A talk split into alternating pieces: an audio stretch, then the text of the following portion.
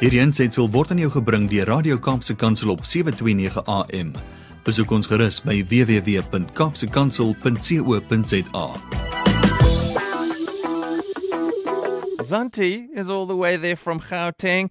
Zanti is an international speaker. She says she's stigter van Babies Behind Bars. She's a motivator. She's a business lady. And uh, uh, we need to find out how she's doing. Uh, Zantie, goeiemôre. Lekker om saam te kuier. Die mense wat jou volg, Zantie, hoe gaan dit met die stappery? Stap jy nog? Is jy nou klaar? Is daar project number 2.0? Wat gaan aan? Nee, Brad, ek is soos Forrest Gump, ek stap nog hoor. so, so are you just? Uh, uh, there must be a goal. I mean, you wouldn't do this unless there was a plan. Now we know No, why you're walking, but but how many kilometers do you still have to go? Uh, you know what? I'm I'm on 10 kilometers a day for now. Okay. Um, because I must still conquer 774 kilometers in 35 days. Ja. So, um, yeah, yeah, I am I am still still on my training. Gonna Yo, take it, I think another year. But you know what? It's only impossible until it's done. I I don't really know what to say. Ek is nou veronderstel om iets baie slims te sê, maar dit is ongelooflik. Wow, how inspirational. Okay, Zanti, well, we're going to uh, advise people to at least keep an eye on social media and see what Zanti's up to and listen in on a Wednesday and we'll try and get as much information as possible, but we'll be cheering for you, Zanti Donkey. Ag, dankie, dankie Brad. En dit is my wonderlike tyd op die pad hoor. Dit is regtig net my tyd om te intercede en te bid en met die Here te wandel en ek wil juist vir oggend, ek gaan vir oggend letterlik 'n versie uit uit die Bybel uit deel. En dan gaan ek 'n storie met die luisteraars deel.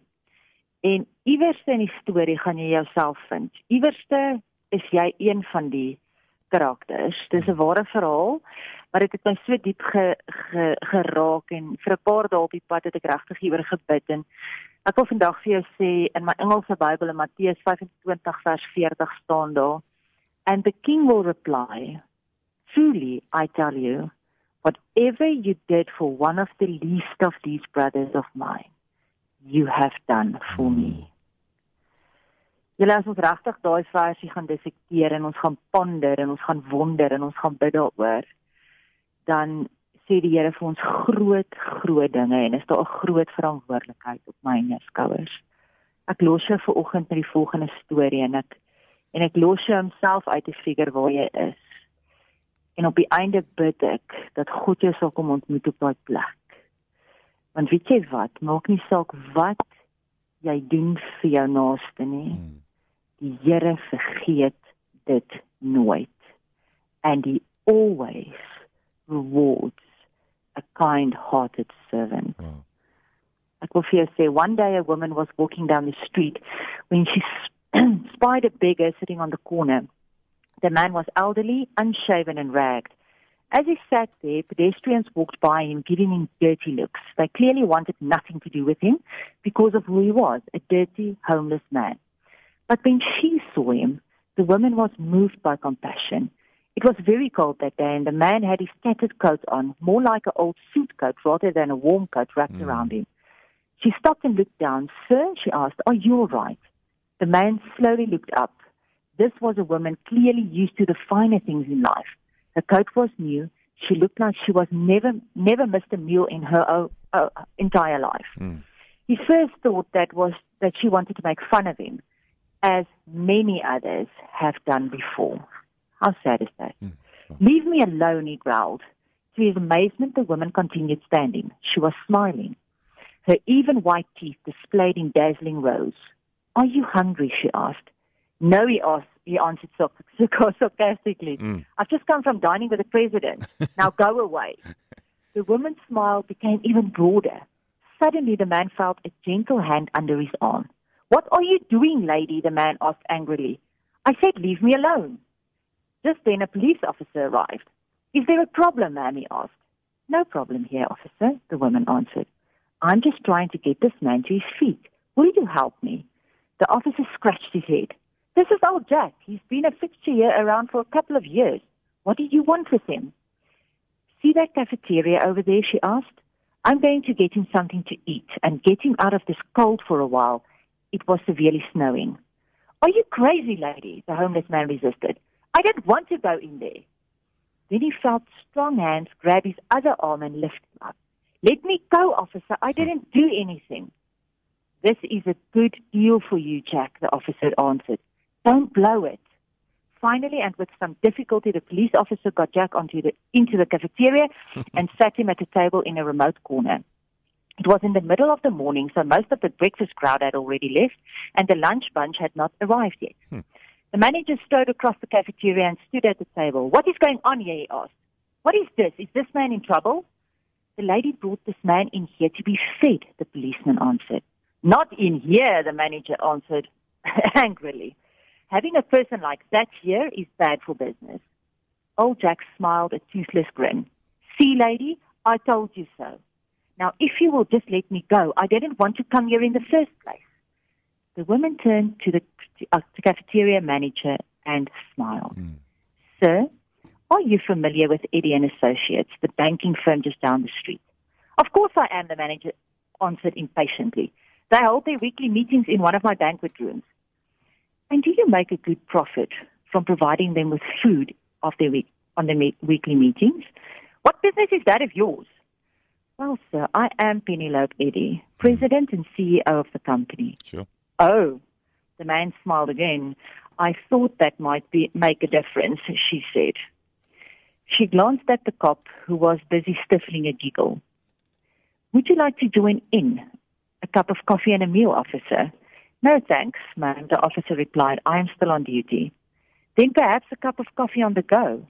Yes, ma'am, that would be very nice. Hmm. The cafeteria manager turned on his heel. I'll get the coffee for you right away, officer. The officer watched him walk away. It certainly put him in his place, he said. that was not my intent, believe it or not. I have a reason for all of this. She sat down at the table across from her amazed dinner guest. She stared at him attentively. Jack, did you remember me? Old Jack searched her face with his odd, roomy eyes. I think so. I mean, you do look somehow familiar. Well, I'm a little older now, she said. Maybe I've even filled out more than in my younger days Hmm. when you worked here, Jack. And I came through that very door, cold and hungry. Ma'am, the officer said, ques- uh, said questioningly, Hmm. he couldn't believe that such a magnificently turned out woman could ever have been hungry. I was just out of college, the woman began. I had come to the city looking for a job, but I couldn't find anything. Finally, I was down to my last few cents, and I'd been kicked out of my apartment. I walked the streets for days. It was February, and I was cold and nearly starving. I saw this place and walked in on the off chance that maybe I could get something to eat. Jack lit, lit up with a smile. Now I remember, he said. I was serving behind the counter. You came up to me and asked me if you could work for something to eat. Mm.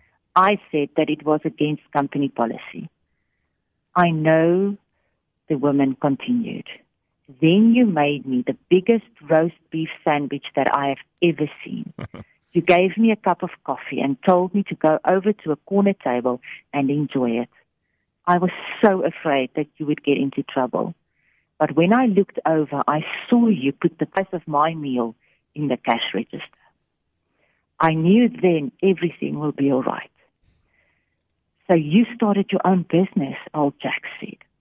Well, I got a job that very afternoon. I worked my way up, eventually starting my own business that with the help of God prospered. She opened her purse and pulled out a business card. When you are finished, dear Jack, I want you to pay a visit to Mr. Leon. He's my personal director of my company. I'll go talk to him right now and I can certainly he'll find you something to do around the office. She smiled. I think he might even find the funds to give you a little advance so you can go get some clothes and a place to live until you're on your feet. And if you ever need anything, my door is always open to you. There were tears in the old man's eyes. How can I ever thank you? He said. She answered, Don't thank me, Jack. To God goes the glory. Thank you, Jesus, for he led me back to you. Mm. The officer replied that day that he saw his first miracle and that it changed his life Wow. forever too. I want to leave you again, Matthew 25, verses 14, which says, And the king will reply, Truly I tell you, whatever you did for one of the least of these brothers of mine, you did it for me. Your kindness to someone else will never be forgotten by God. And at the right time, He always rewards a faithful servant. Amen. Hierdie aansetsel is aan jou gebring deur Radio Kaapse Kansel op 729 AM. Besoek ons gerus op www.kaapsekansel.co.za.